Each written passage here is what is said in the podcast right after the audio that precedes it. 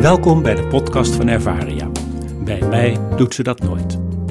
In deze podcast nemen we je mee in situaties van onbegrepen gedrag bij mensen met een ouder wordend of beschadigd brein.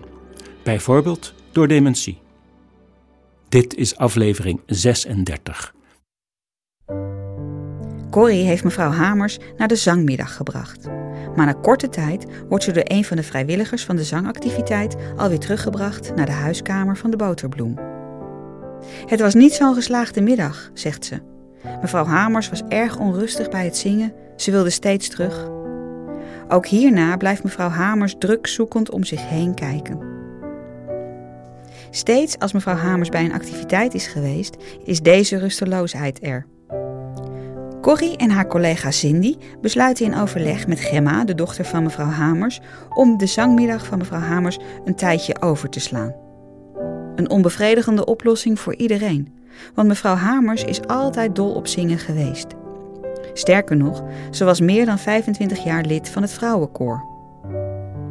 Ondertussen bekijkt het team of het niet anders kan. De oorzaak van het probleem blijkt te maken te hebben met het brengen. De oplossing ligt dan ook in het halen. Het klinkt misschien cryptisch, maar het team spreekt af dat mevrouw Hamers tweemaal gehaald wordt in plaats van tweemaal gebracht.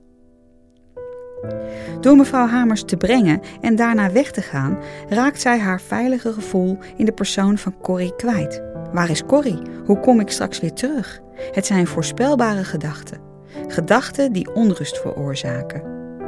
Eenmaal terug in de huiskamer vertrok de vrijwilliger, net nu ze een klein beetje aan haar gewend was geraakt.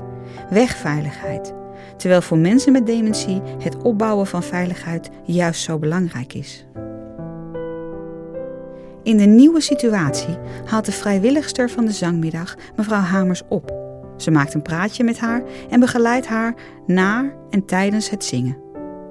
Voordat het zingen klaar is, komt Corrie naar de zangruimte en maakt oogcontact met mevrouw Hamers. Na het zingen begeleidt Corrie mevrouw Hamers terug naar de huiskamer. Dit zorgt ervoor dat de overgangsmomenten geleidelijk verlopen, waarbij bovendien veiligheid wordt geboden in de vorm van een op dat moment bekend persoon.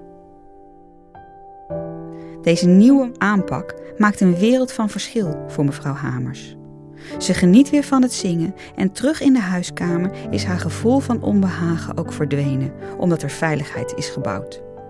Halen werkt vaak veel beter dan brengen.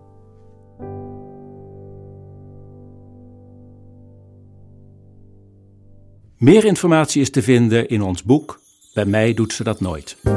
Je kunt ook de website www.ervaria.nl bezoeken of mailen naar info.ervaria.nl. Bedankt voor het luisteren.